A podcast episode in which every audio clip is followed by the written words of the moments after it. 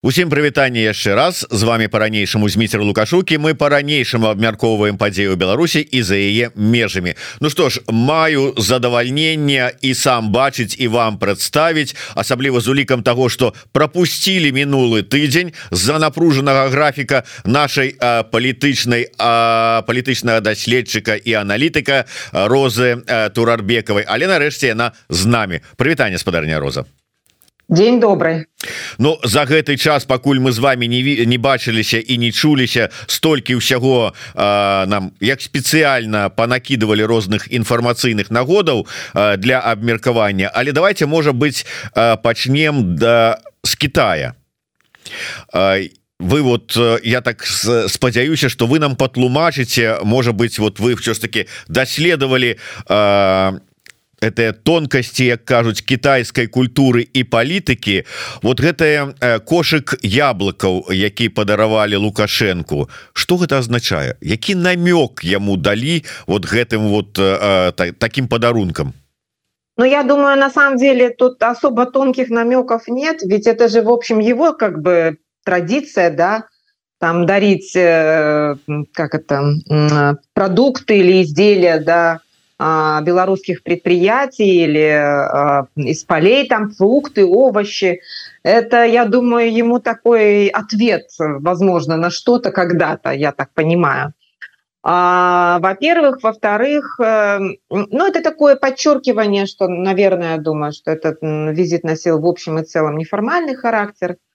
И э, просто определенный такой малозначащий что жест. а, вот, поэтому я не, не, не знаю, я не люблю, когда а, я не, не совсем разделяю вот этого мнения относительно того, что там а, есть какой-то, всегда надо искать какой-то скрытый там символизм, смысл все, во всех этих, особенно что касается китайских тех самых протокольных вещей, там, возможно, они были, но они от них уходят. Э, гораздо важнее, вот что сейчас Китай, как он меняет свою политику и почему случился этот внезапный визит со стороны Лукашенко возможным вот дарэчы э, про гэта і поговорим хотя э, ведаеце все ж таки сімвалізм да і гэта вот э, розныя я не ведаю там ці то это журналісты як заўсёды ва ўсім вінаваты ці палітолагі ці хто там это. Потому что даюць нам картинку якого-нибудь там белага дома візіта і кажуць А вот у тым як тут пастаўлены букеты перад уваходам у белы дом вот тут нейкі сімвалізм скрыты. А что уже казаць про Китай который сам увесь нейкі там суцэльны сімвалізм. Тым не менш что за сімвалізм у гэтым візіце? І ці сапраўды ён быў раптоўны і нечаканы і спонтанны я думаю что он был э, случайный в том смысле что у си Цзиньпиня нашлось окно для встречи с лукашенко. Я думаю что лукашенко э, и его э, дипломаты а, старались каким-то образом попасть э, в это окно. И, видимо, вот наконец-то окно это изыскалось. Далее как бы все за э, толстыми дверями, да, сложно сказать, как это э, было, но удалось как бы найти это окно, но это лишний раз подчеркивает, что отношения достаточно сложно складываются, вот, а они не являются такими радужными. Э, визит Лукашенко на вот этот э, саммит «Пояс-путь» он э, не, не был осуществлен, и теперь это понятно, что это было не случайно. Вот. Вопрос, что сейчас произошло или каким образом Лукашенко удалось попасть в график Си Цзиньпиня, и что ему пришлось для этого сделать и пообещать, скажем так. У вас есть отказ на это пытание? Э, я боюсь как бы спекулировать, но мои предположения следующие. А, скорее всего, Лукашенко каким-то образом пытается доказать, что китайскому транзиту через Беларусь ничего не угрожает что он делает максимально все возможное, дабы транспортная изоляция не а, развивалась. А, по всей вероятности, какие-то, может быть, э, доказательства или свидетельства этого а, Китай, может быть, получает или получил. Вот. Но, тем не менее, я так понимаю, что вопрос до конца еще не снят. Хотя надо сказать, что Китай э, достаточно своей именно такой да, китайской манере не прерывает э, этот самый контакт с Лукашенко, и э, не прервет он э, до последнего, там, если там не, не случится уже какие-то внутриполитические серьезные изменения, не будет прерывать. Э, все их речи сейчас свидетельствуют о том, что они в общем и целом уверились в том, что он контролирует ситуацию в стране, а вот, в том, что, скажем, санкции в отношении Лукашенко носят такой внешний характер, что это характер внешнего давления – но все эти политические заявления, которые делались, на которые делается акцент в белорусских средствах массовой информации, в китайских СМИ их практически нет. Я сейчас еще раз специально открыла агентство Синьхуа. Две фотографии, одна строчка, все. То есть это к вопросу о, о символизме, да? А, насколько символичен визит Лукашенко для самого Китая, для китайской пропаганды? Не символичен они ему пока никакого значения не придают. Они фиксируют факт того, что Лукашенко был, Лукашенко прилетел, а, встретился с Си Цзиньпинем. Все. Больше ничего. Э, ну калі вот все ж таки шукаць э, сімвалізм то здаецца нават бела лукашэнкаўская пропаганда нязначнасць гэтага візіта зразумела. Ну можа быть они зразумела можа это на подсвядомасці неяк так прорываецца калі яны пишутць бацька прыляцеў до большого сі. Там-то большой сі а тут нейкі бацька вот тут вот знаете от от плуга адышоў выцер руки об штаны и пайшоў до большого сі поклониться ему у ножки то есть вот разуменне того что хвалиться нема чым ёсць и знаете, я думаю, что вот этот э, подчеркнутый, да, вот иерархия буквально, да, что великий Китай, большой Си Цзиньпинь, там не очень там, и соответственно задаем, мы отвечаем, да, на вопрос о том, что Беларусь не, не такая большая, не такая и, и Лукашенко не, не, не такой великий, это свидетельствует о том, что он э, и белорусская пропаганда это как бы последний аргумент, вот, что они признают эту иерархию, что они ее подчеркивают. То есть это речь идет даже как бы в определенном смысле об игнорировании принципа равноправия а, в международных отношениях. А, и в общем и целом э, такая приверженность идеям авторитаризма даже в международных отношениях, понимаете? То есть вот э, как бы вот такие ну, достаточно такие дремучие, я бы сказала, представления, они экстраполируются на и распространяются, к сожалению, и на речи самого Лукашенко, а вот достаточно унизительные вообще-то с точки зрения даже э, протокола, а вот, и, э, соответственно, на белорусскую пропаганду. Это как-то выглядит достаточно плохо, как очень плохие э, такие дурные манеры. А вот, поэтому в этой связи, ну что я могу сказать, достаточно грустное зрелище – до такой степени не уважать э, страну, э, чтобы ее ставить в такое, ну, очевидное, там, я не знаю, в иерархии, да, подчинение, подчеркивая а, невеликие размеры, не, не, не, не, небольшую значимость в международных отношениях. Причем это их, никто их не заставляет это делать, они делают это самостоятельно. Это, конечно, совершенно вопиющее, с моей точки зрения, поведение – не очень воспитанных, по-моему, людей.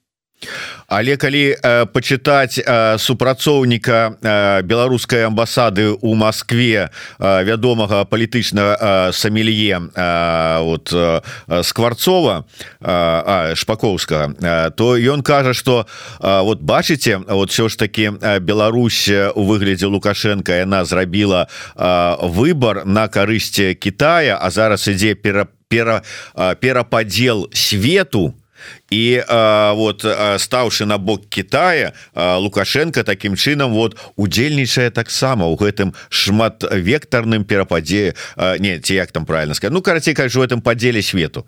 Стаў вот і і мы по і мы победили тоже вот такое.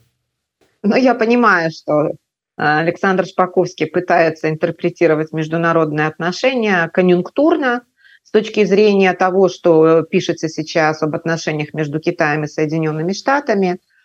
но э, считать себя, как это сказать, бойцом в лагере, в одном из, да, из лагерей, враждующих лагерей, это еще не значит, что в этом лагере на самом деле вас как бы видят и ценят.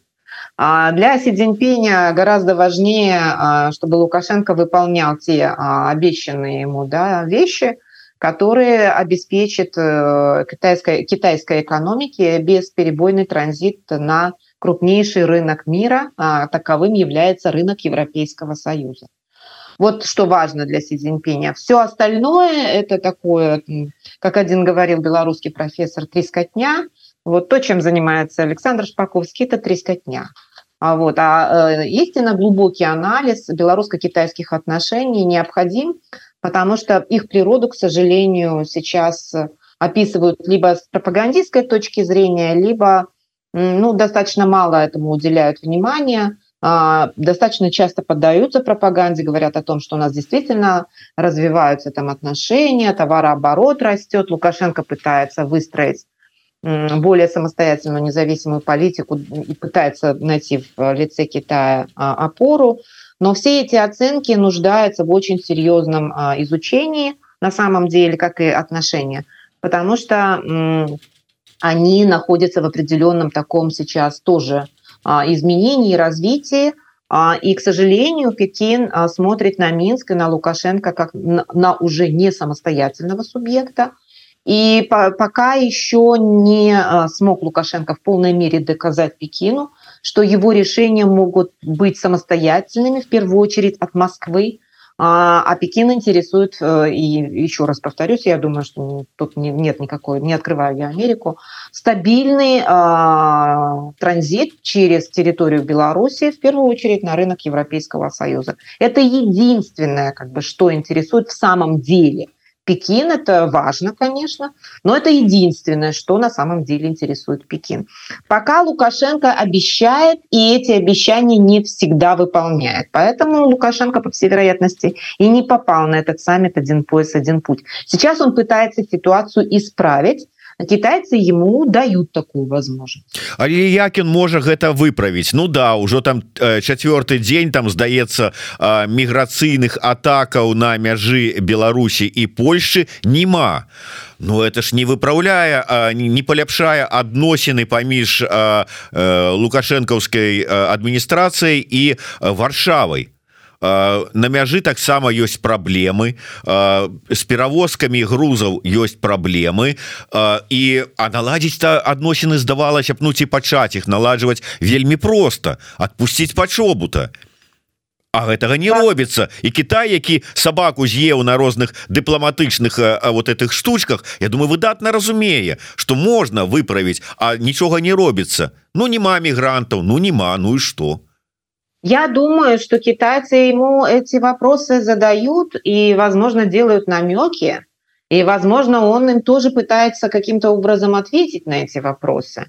Не знаю, насколько Китай интересует э, судьба наших политзаключенных, скорее всего, не интересует, да, потому что у самих таких политзаключенных гораздо как бы больше даже, да. Да, на вот уйгуров не будем узгадывать.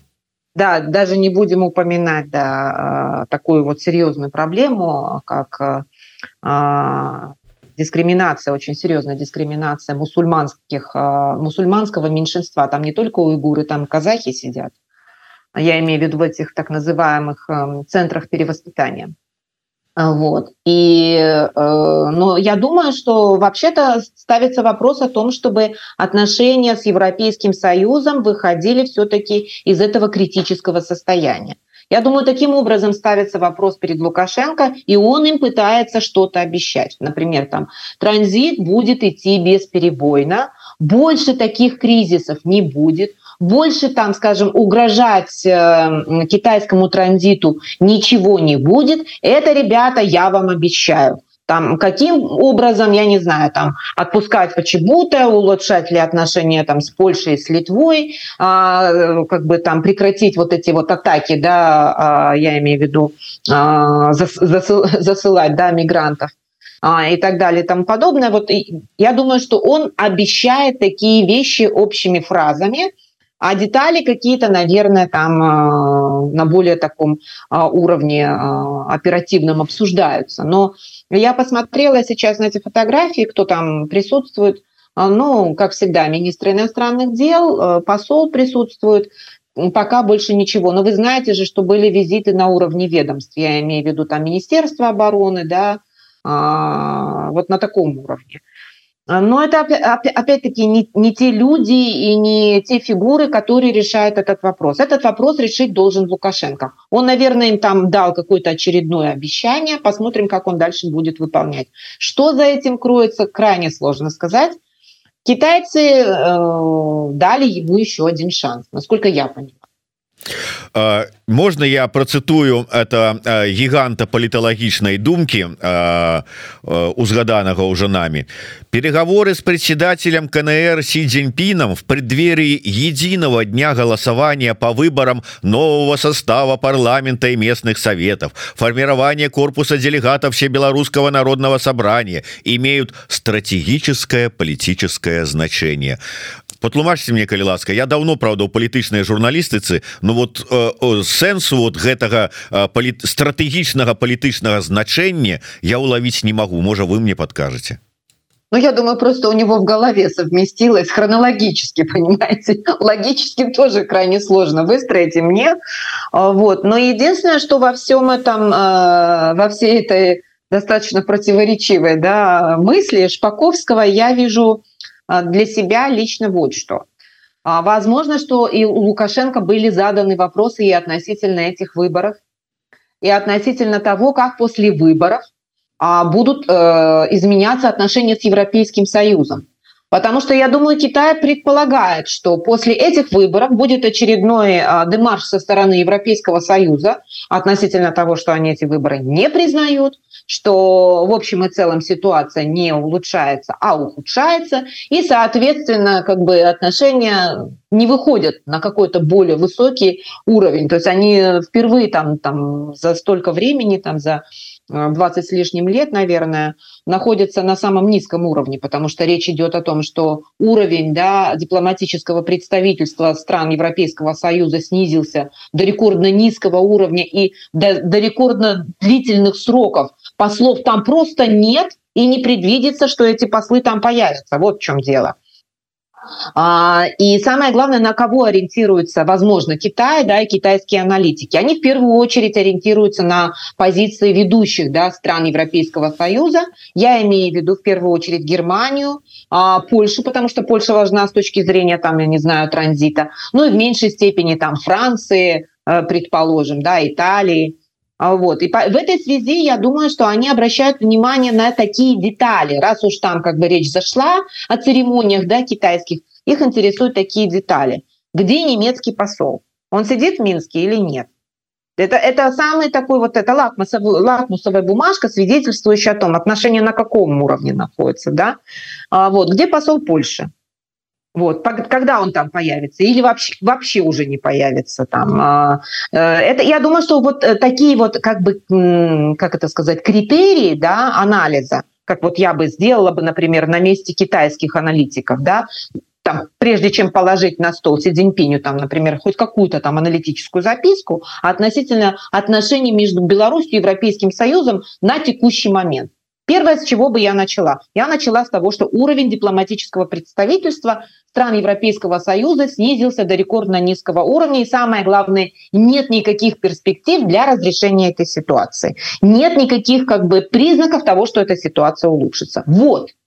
Вот я бы начала с этого. Я практически уверена, что там сидят такие же, в общем, неплохие аналитики, которые подают достаточно объективные вещи. А, вот. Но вот они э, встретились с Лукашенко, возможно, они этот вопрос задали. Как вы собираетесь эту ситуацию улучшать? Возможно, вот то, что Шпаковский написал, что выборы пройдут, и это там как-то после выборов ситуация как-то изменится в лучшую сторону. Может быть, это имеется в виду.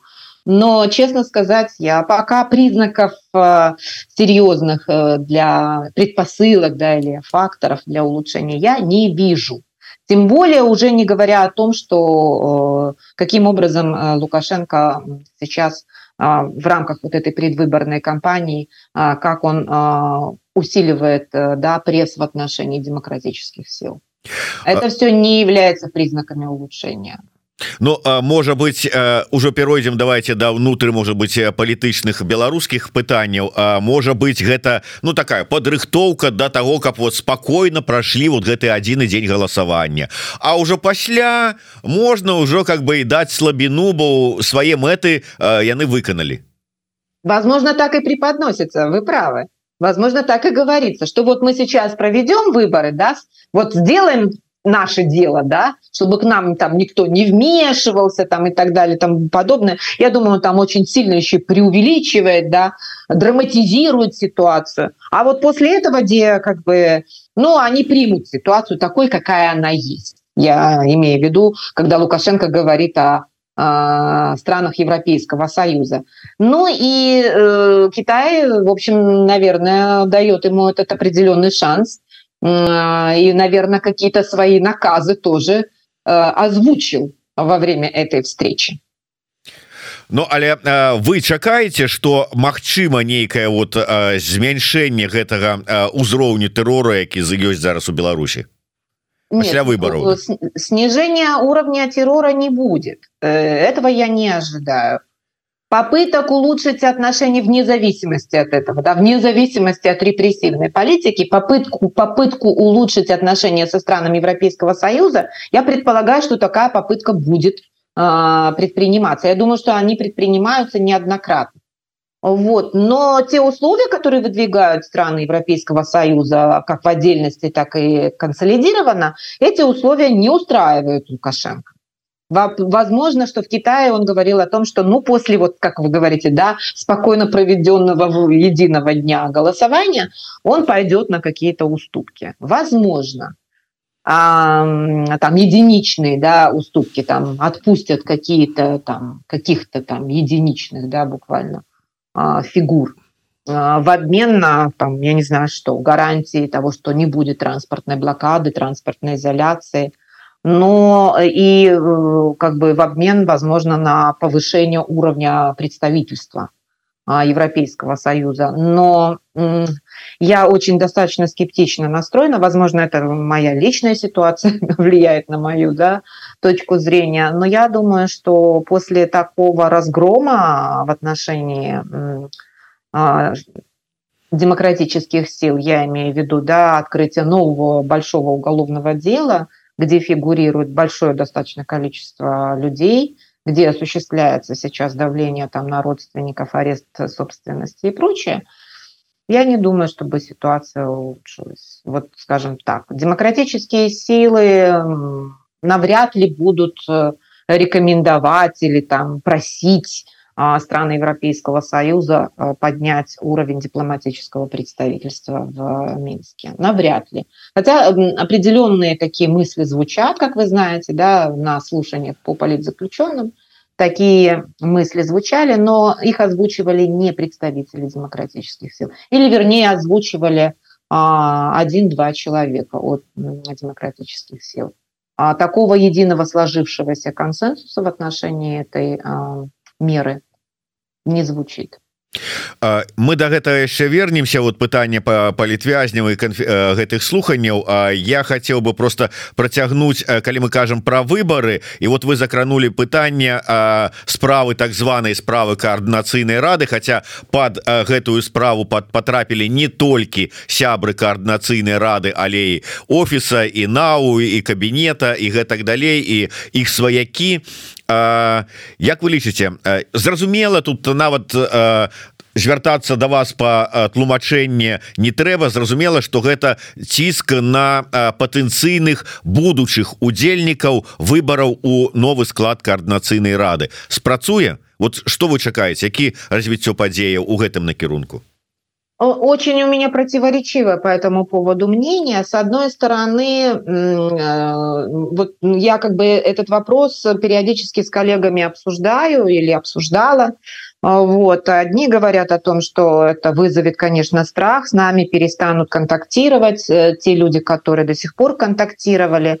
С другой стороны, а, это такое спасибо за черный пиар, да, как бы сказали ранее – прорекламировали координационный совет, значит, э, он кому-то нужен и важен, и значим. Вот, поэтому сложно сказать, насколько это всерьез повлияет на кампанию, предвыборную кампанию в сам Координационный совет. Но я думаю, что в общем и целом мы можем увидеть эту ситуацию, наверное, где-то через полтора-два месяца. Знаете, я думаю, что власти попробуют провести громкое судебное разбирательство прямо перед выборами в Координационный совет. Вот таким образом. То есть эта кампания только начинается, она только разворачивается с тем, чтобы э, сорвать как бы это мероприятие, снизить количество тех людей, которые могут голосовать за будущих а, а, членов Координационного совета, особенно что касается тех, кто находится внутри страны. Я думаю, власти в первую очередь интересуют люди, которые находятся внутри страны. Чем меньше будет людей, которые проголосуют внутри страны, тем, конечно, будет выше вот этот э, выше проблема, это порог этой проблемы, связанной с легитимностью будущего, да, третьего а, созыва а, Координационного совета, третьего состава, извините, Координационного совета. Я думаю, власть вот этого добивается. Ну, чисто схематически, в принципе, логично, понятно, но психологически не совсем, мне кажется, сработает, не совсем ясная ситуация, и более того, они как бы делают сейчас из Координационного совета а, более серьезный политический субъект, чем это было как бы ранее то есть выставляя субъект, э, вернее, Координационный совет как достаточно влиятельную политическую силу, с которой надо бороться. Вот, вот так вот я еще это воспринимаю. Но у меня нет еще пока э, сложившегося единого представления. Посмотрим на их действия дальше.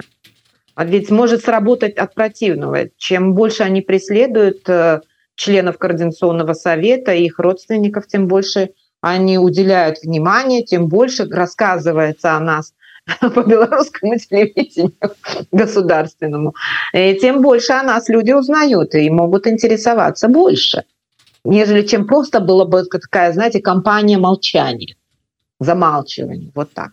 Ну. Ну что ж праглядаючы наши эфиры для а, того каб выбраць контент для сваіх прапагандысцкіх шоу там может быть там аўтары жоўтых слівах і азаронак хоть троху некае разуменне як працуюць паліталагічныя схемы і знешняя палітыка слухаючы вас зразумеюць. Ну калі ёсць там чым разумець конечно. Если им это интересно Возможно, им это уже не интересно. И, по-моему, мне кажется, что им интересно только то, что хочет Александр э, Григорьевич Лукашенко. Вот, собственно, их аудитория, конечная цель, э, мечта и так далее. А, по-моему, все остальное, я не знаю, интересует ли их страна и люди. У меня такое ощущение, что нет. Ну дарэчы вось наконт такого чорнага піара коаардынацыйнай рады можа яно сапраўды і спрацуе як кажуць ад супрацьлегла памятаеце я памятаю калі а, першы том а, нашай нацыянальнай ідэі быў прызнаны экстрэміскай літаратурай а, то что мы пачулі ў каментах писали значит хорошая кніга дайте дзве Таму калі ласка вот тут вот у гэтай кнізе ёсць яшчэ і нацыянальная ідэя от спад гаспадарні розы турарбекавай калі ласка звяртайцеся можна браць дзве пакулішчы. Яшчэ троху ёсць. Спадарня розам Я ведаю что уже закранули гэтую тэму. Вы былі такой удзельніцай у праз зум Праўда слуханняў коаардынацыйнай радзе по вызваленні палітвязняў.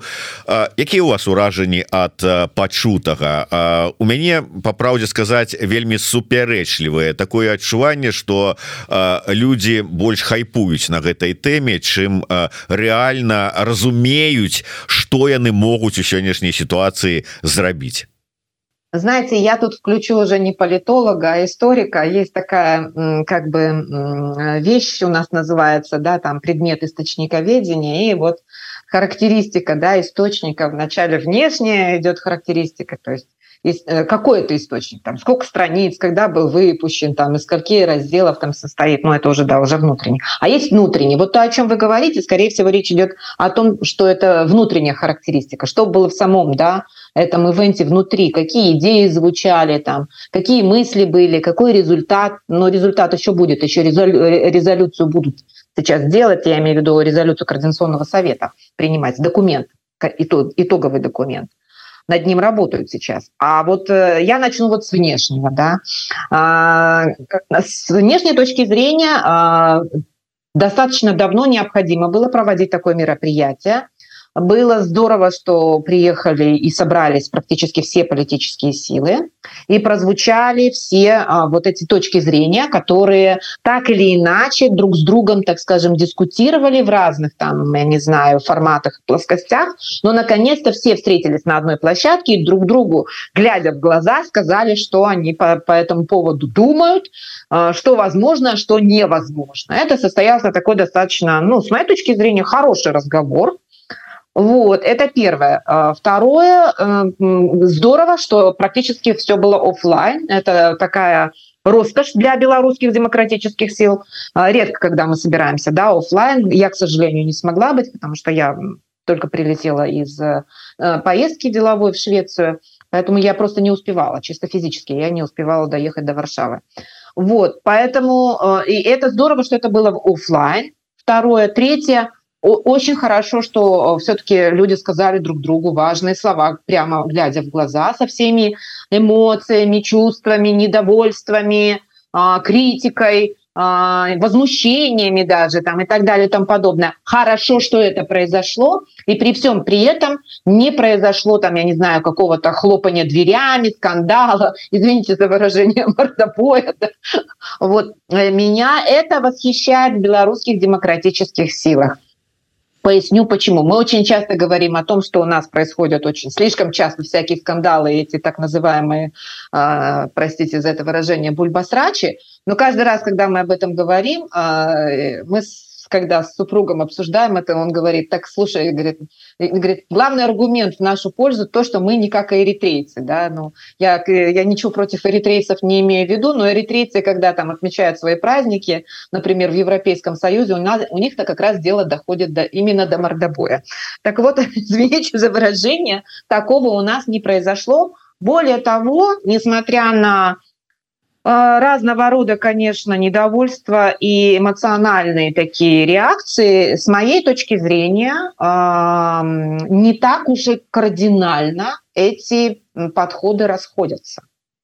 А было достаточно выгодно преподносить противоположную, например, сторону, да, те, кто за переговоры или, например, просто за давление, да, было выгодно их преподносить как непримиримых, но, как выясняется, не так уж все и непримиримо, Хотя, конечно, достаточно бывают, сильно расходятся точки зрения и подходы на а, освобождение политзаключенных.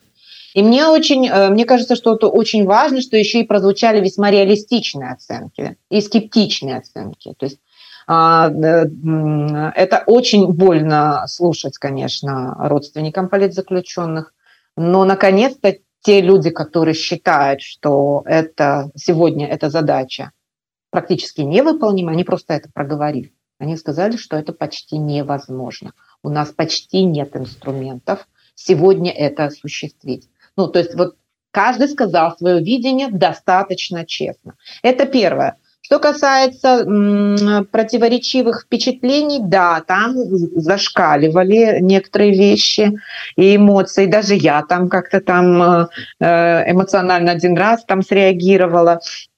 А вот э, была не очень согласна. Это понятно, потому что тема очень болезненная, и люди по-разному как бы себя ведут в этой ситуации. Э, ну, уже не говоря о том, что есть э, все-таки достаточно расходящиеся да, подходы, я имею в виду представленные подходы к решению данной проблемы. Ну вот пока все. Если подробнее я могу сказать и подробнее там про свою точку зрения да вот э, я бы хотел все ж таки гэтую тему э, закрануть бо на сапраўды вельмі актуальная и болючая ведаете э, там э, так вот э, Иван краўцоў с таким пафосом рассказал вот я яшчэ два гады тому у эфиры еўрарадыо казаў про тое что перамовы неабходныя мяне тады аплевалі усе хто толькі мог. А зараз глядзіце вот практычна усе кажуць про перамовы ведаете я что два гады э, таму скептычна ставіўся да словаў Ивана краўцова. Что цяпер і да яго і да ўсіх астатніх. Але не таму что я супраць перамоваў а таму что я выдатна разумею. Ну можа быть я ўжо как бы зашмат доўга этим займаюся что ніякімі перамовамі нічым іншымі вот э, дэмакратычныя сілы нічога от лукашэнкі не дамогуцца. Бессэнсоўна гэта. Э, і таму вот мяне такое стаўленне. Ваша позиция якая Ну, собственно, я ее озвучила да, во время выступления. Я еще раз повторю тогда. А, в первую очередь мы должны ответить на три вопроса. Готов ли Лукашенко к этим переговорам? Что надо сделать, э, чтобы он был готов? То есть э, принудить его к переговорам. И готовы ли партнеры, наши западные партнеры, да, а, к этим переговорам? И вот исходя из ответов на эти вопросы, мы двигаемся дальше. С моей точки зрения, сегодня Лукашенко еще не готов к переговорам. Что можно а, сделать для того, чтобы его а, принудить к переговорам? Это предложить ему серьезный какой-то там, я не знаю, бонус, который э, как бы подвинет э, его в сторону переговоров по теме освобождения политзаключенных. Что это может быть за бонус? Это как бы ну, не секрет, да, вообще. В принципе, речь идет о заморозке санкций. Демократичные этом, силы да. могут это сделать? Что вы говорите? Демократичные силы могут ему это пропоновать? Нет, я пока просто говорю, да, о том, что я просто отвечаю на вопрос. Я пока еще не говорю, кто это может сделать, да. Я, и, и здесь, отвечая на вопрос про санкции, я хочу сказать, что его не абы какие санкции будут интересовать. А в первую очередь, конечно, он поставит вопрос об отмене санкций на калий или хотя бы о заморозке на калийные удобрения. Это, а, это очевидно, да. Вот. И третий вот вопрос, готовы ли партнеры к этим переговорам? Собственно, э, наши западные партнеры и будут вести эти переговоры. Мы можем каким-то образом рекомендовать э, западным партнерам или не рекомендовать о том, чтобы это делать, например. Вот в чем, как говорится, наша э, может быть функция, да. А, и с моей точки зрения, наши партнеры к переговорам не готовы сейчас. Возможно, они будут готовы через какое-то время. Почему? Еще раз повторюсь, нет качественного изменения ситуации качественное изменение ситуации, то есть западные партнеры не уверены в Лукашенко, они потеряли к нему всякое доверие, особенно что касается его участия в войне против Украины. И они не уверены в том, что завтра он опять не откроет ворота, через, через Беларусь не пойдут да, а, российские войска. Они не уверены там а, во многих очень вещах, они просто давным-давно... Это называется утрата доверия когда западные партнеры будут готовы к этим переговорам, могут ответить на это только они сами, но я предполагаю, что только тогда, когда изменится качественная ситуация. С нашей стороны, со стороны демократических сил, мы можем сделать только что. А, рекомендовать им, просить их, и обосновывать свою точку зрения каким-то образом. Если мы все консолидированно решим, что да, нам нужно а, просить их о том, чтобы была заморожен, были заморожены санкции, и мы должны выразить это консолидированно на всех уровнях, да, и просить их об этом, возможно, тогда они к нам могут прислушаться, но только при определенных обстоятельствах, насколько я понимаю. А что касается решения проблемы самой, а, вот, э, самой проблемы освобождения политзаключенных, да, я считаю, что надо ее отделить в отдельный гуманитарный трек. И в этом гуманитарном треке э, есть э, ну, такие маленькие такие надежды на то, как это можно осуществлять. Я об этом говорила. Это так называемые жесты. Жесты эти связаны с тем, чтобы а, звонить Лукашенко, просить Лукашенко лично об освобождении отдельных людей по одному вытаскивать. Вот первый инструмент, который мне напрашивается. Второй инструмент – это, конечно, вот то, о чем, то, то, чего хотят тоже китайцы. Повысить дипломатический уровень, уровень дипломатического представительства в Минске. Чтобы разговор шел вот на, на уровне посла.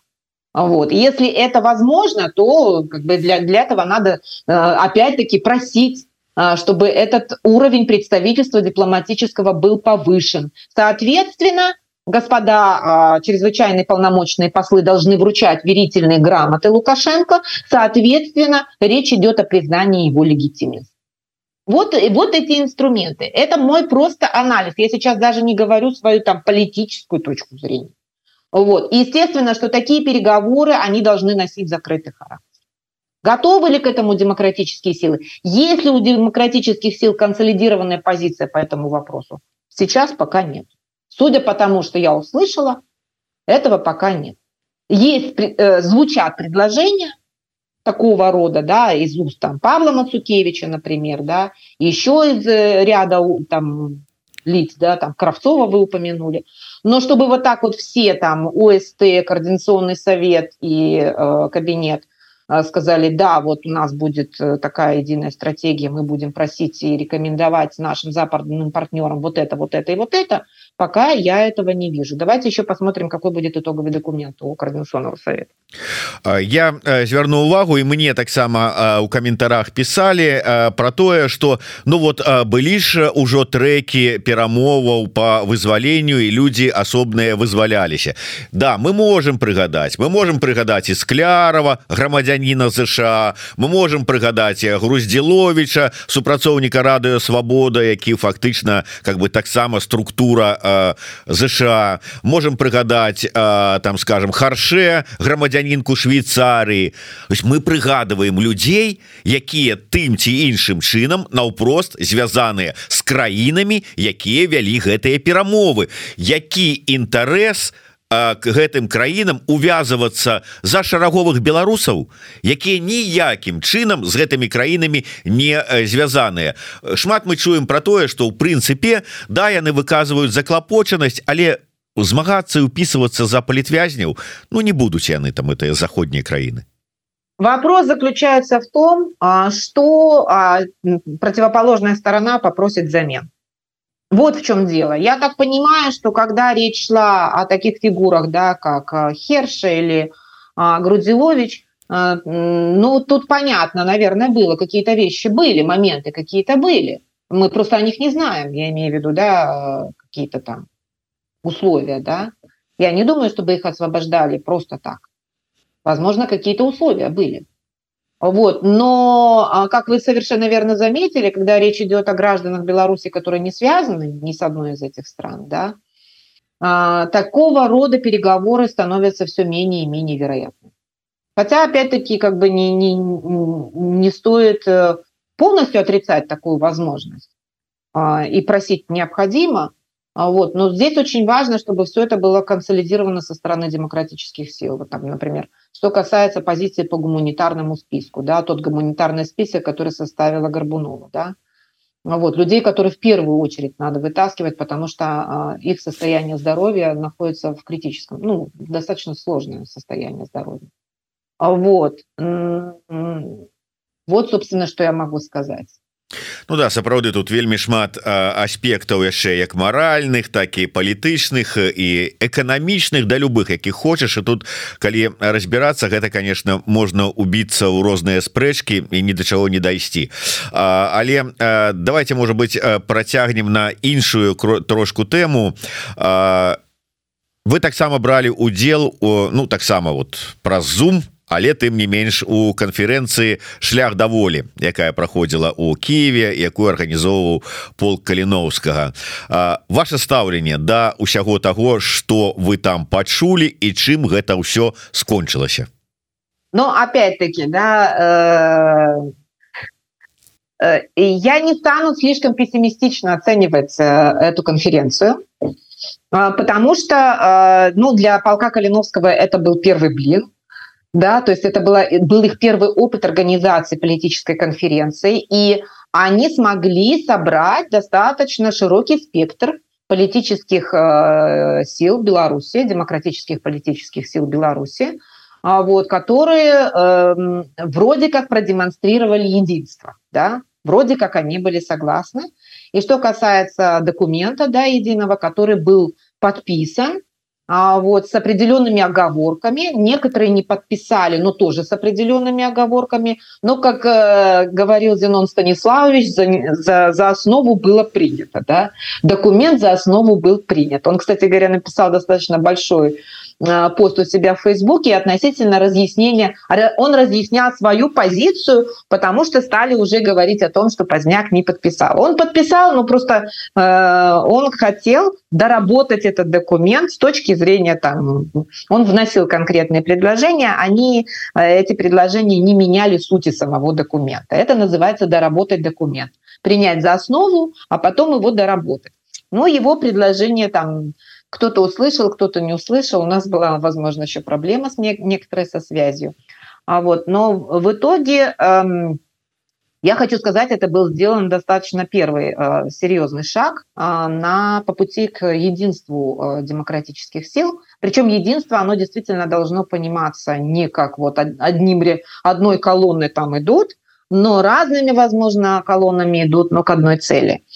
И э, то, что вот разные демократические политические группы сейчас встречаются на одних и тех же площадках и пытаются демонстрировать э, какое-то единство позиции или схожесть позиций, вот начиная с этой конференции полка Калиновского и заканчивая слушаниями да, по поводу политзаключенных, лично у меня, несмотря на очень противоречивые там э, впечатления, на несогласие с чем-то, да, на э, какие-то там, я не знаю, эмоциональные моменты, несмотря на все на это, как историк я хочу сказать, это достаточно неплохой шаг вперед по сравнению с тем, что было до сих пор. Я хочу сказать, меня удивило, это уже мое личное мнение, меня очень удивило выступление э, Зенона Поздняка он сказал две, ну, два слова, которые очень на меня так вот э, лично на меня произвели впечатление. Первое, что он сказал, что наступило время, когда нам надо достичь компромисса между разными политическими группами Беларуси. Вот. И второе, что нам необходимо объединяться ради единственной цели. Ну, он, правда, объяснил, что он подразумевает под еднанием, да, но, тем не менее, из уст Зенона Станиславовича прозвучали две, два важных слова – компромисс и ядание. Ну, ну, вот такая конференция. Я, конечно, не стану характеризовать там позиции всех остальных демократических э, групп и сил политических. Это тоже важно, но они более-менее как бы мне были известны. Мне было интересно послушать, что скажет а, Зенон Поздняк. И вот он сказал, ведь он же является одним из самых таких достаточно ну, таких э, непримиримых в некоторых ситуациях а, политических фигур. Ну паглядзім як ён вот сам будзе прытрымлівацца гэтых тэзісаў вельмі прыгожых і важных. Але тым не менш не будем разводить вот как тут вот у нас вот написано вот вот вот этого вот всего вот тым не меньше сапраўды да. Ведаеце вот 1300 у нас гледачоў зараз у дадзены момент на на сайте і як не дзіўна калі перакрочылі за тысячу павылазіла вельмі шмат а, ботаў і троляў як с лукашэнкаўскіх фермаў так і с макшанскіх балот. А, я хочу звярнуцца па-першае что Дякуй вам за тое что сваімі каментарамі вы прасоўваеце наш стрым як дамага большай колькасці людзей. Адзінае что ведаеце лепш спрацоўвае калі каментар будзе як мінімум сямі слоў. Так что вот там слава лукашенко вы можете написать три разы напрыклад. І тады вот как-то яно лепей будзе. А, а карыстаюся момантам я хочу нагадать вам что варта подписываться на телеграм-канал спадарыні розы турарбекавай анализ там заўсёды вельмі цікавы сам постоянно читаю подпісаны Ну и безумоўно ты хто для кого это бяспечна подписывайтеся на YouTube канал еврорады ставьте свои падабайки націскайте на звоночек расшервайте Ну и гэтак далей. Пишите комментары так что э, калі ласка спадарня роза яшчэ хотел бы звярнуцца да, вось поездки тихохановской зараз у ЗША что там будзе на гэтым дыялогу мы яшчэ послухаем побачым хотя вот скажем Дмітр шгельскі учора у нас в эфиры вельмі скептычна ставіўся до да, того что які будзе вынік гэтага дыялогу але учора яна была у ельскім універсітэце дзе сустракалася с Тимати снайдером. Дзе чытала лекцыю для студэнтаў ельского універсітэта быў яе была я колонка у Вашингтон пост здаецца Як вы оцениваете тое что там вот гэтыя сустрэчы і тыя тезісы якія яна там агучыла Да, действительно, там а, есть и ее публикация в Вашингтон-Пост, и то, что она встречалась с Тимоти Снайдером, это такая, такая знаковая встреча. Ну, собственно, стратегический диалог а, известен своими, как бы, вернее, а, уже известны какие направления, известны какие ожидаются дискуссии. Неизвестно, конечно, содержание дискуссии, но известно, какие содержания будут дискуссии. И то, о чем говорит Светлана Григорьевна относительно того, почему необходимо продолжать э, э, этот э, и разговор, и институционализировать этот диалог между США и Новой Беларусью. Я с этим, конечно, полностью согласна. Более того, я как бы в том или ином качестве принимала участие в подготовке документов, части документов или часть одного документа, который будет там а, представлен. Поэтому мое отношение не очень, может быть, будет объективное – вот. А, с моей точки зрения, а, крайне важно, а, чтобы сейчас в диалоге с Соединенными Штатами звучали такие темы, как идентичность и сохранение белорусского языка, раз, конечно, суверенитет, э, территориальная целостность, да, и независимость Республики Беларусь, ну и все остальные темы также важны, но с моей точки зрения вот там совершенно вот этот важный момент, что на первое место был поставлен именно суверенитет и независимость. И, конечно, был поставлен вопрос об, о сохранении национальной идентичности и противодействии да, идеологии русского мира. Потому что на самом деле это сейчас э, является угрозой номер один для Беларуси. То есть она, она непосредственно, конечно, связана с э, вопросами угрозы демократии, а, потому что народ не имеет возможности для отстаивания своих интересов вообще ни в каком виде, для отстаивания своего выбора. Поэтому это сейчас необходимо обсуждать и ставить вопрос о том, что в Беларуси сейчас, в отличие от Украины, в Беларуси сейчас идет холодная, а, тихая, вернее, или молчаливая, по-разному можно сказать, война. И э, репрессии являются вот признаками этой войны, которая э, ставит своей целью фактически уничтожение э, Беларуси э, и белорусов как независимых, э, независимое национальное государство и как э, нацию, собственно говоря. Поэтому, ну, собственно, я честно скажу, я уже так много чего читала, что я уже запуталась, но я точно знаю, что вот там эти несколько направлений, которые будут в стратегическом диалоге обсуждаться – на первое место, конечно, там поставлены самые важные вещи. Но мне бы хотелось еще, чтобы а, обсуждался вопрос о том, что, о помощи в сфере образования, например, да, а, большей поддержки в сфере образования. Там пока так вопрос, по-моему, не стоял, но, насколько я понимаю, а, там сейчас э, попытки вот э, поднять этот вопрос о выделении как можно большего количества стипендий в отношении белорусских там студентов, школьников и преподавателей, возможно, тоже будут. Но на первом месте, конечно, вопрос белорусской э, суверенитета, независимости, территориальной целостности, национальной идентичности сохранения языка, противодействия русскому миру. спадарня роза але ці не думаете вы все ж таки что гэтая поездка Ну я не ведаю ці запозненная ці заўчасная у тым сэнсе что у ЗША плануюцца выборы. Пройдуць выборы прэзідэнцкія зменится ўся команда зменится там склад там нейкіх там палітычны усі гэта тых хто вырашае гэтыя вот пытанні про якія вы кажаце. І по новой вот что толку зараз да адыходзячага склада кіраўніцтва ЗША звяртацца з гэтымі праблемамі? Ну, во-первых, пока до смены администрации, если произойдет смена администрации, еще год. То есть мы только вступаем в тот год, когда будут выборы, а когда инаугурация произойдет, это вот еще э, больше чуть-чуть, чуть больше года. Это первое. Второе, помимо всего прочего, а, насколько я понимаю, запланированы встречи в Конгрессе. То есть это вне зависимости от того, какая сейчас администрация. Конечно, а, хотелось бы, чтобы такой э, диалог состоялся раньше, но так уже получилось, так уже случилось, что американцы были готовы только вот сейчас. Только вот сейчас э, про это случилось, как говорится, это, это произошло. А вот, надеюсь, что преемственность внешней политики будет осуществляться и далее. То есть на уровне э, этих самых эм, э, клерков, да, или на уровне бюрократическом, да, вот эта преемственность сохранится. Как правило, действительно это происходит именно так.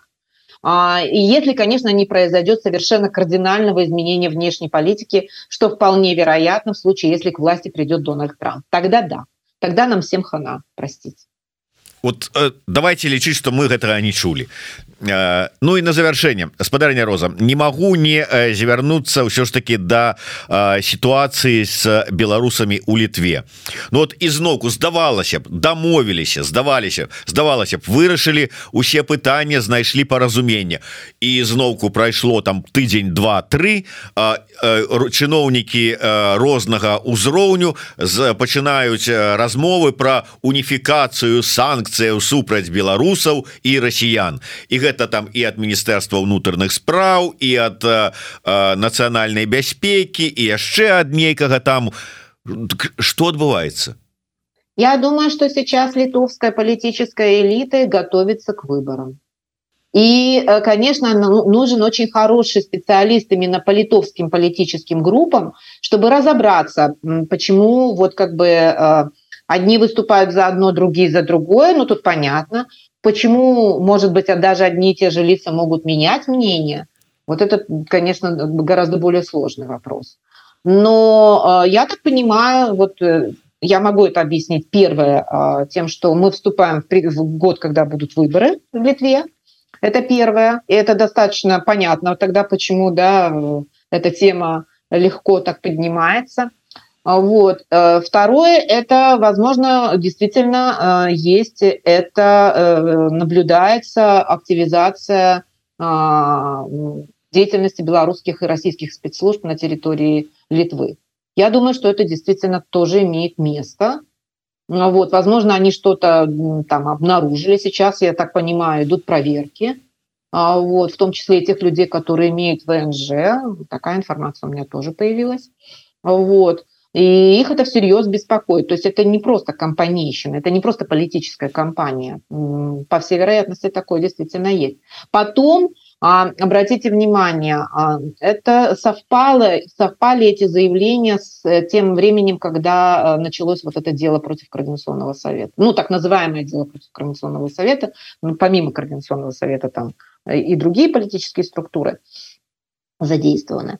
Вот. И, конечно, там э, заявление белорусской пропаганды относительно того, что в составе э, Координационного совета был человек, который слил информацию да, относительно полного списочного состава. А вот, там вначале одна версия, теперь другая версия. Ну, понимаете, литовская, э, литовские спецслужбы что же читают белорусскую пропаганду? Они что же их смотрят? Они слушают те заявления, которые делаются там на высоком уровне нашем, там, я не знаю. Вот, и делают свои собственные из этого умозаключения. То есть я вижу здесь два момента. Первый момент, конечно же, это выборы. Вот. И второй момент, вот связанный, собственно, действительно, возможно, речь идет об активизации. Но то, что они секьюрити... это так называемая секьюритизация, да, это когда Эм, как это идет при, преувеличение да, угроз безопасности и распространение этого мнения или этого восприятия на все больше и большее количество там, сфер или вопросов. Вот это классический пример секьюритизации. Есть такой термин в теории международных отношений. Вот сейчас я вижу прямо вот настоящую секьюритизацию. Где-то, возможно, есть рациональное зерно, где-то там угрозы действительно есть, они действительно это видят, некоторые вещи, конечно, они там а, озвучивают, некоторые они не проговаривают. А, вот, но это первое. Второе, но очевидно, есть еще и политическая кампания.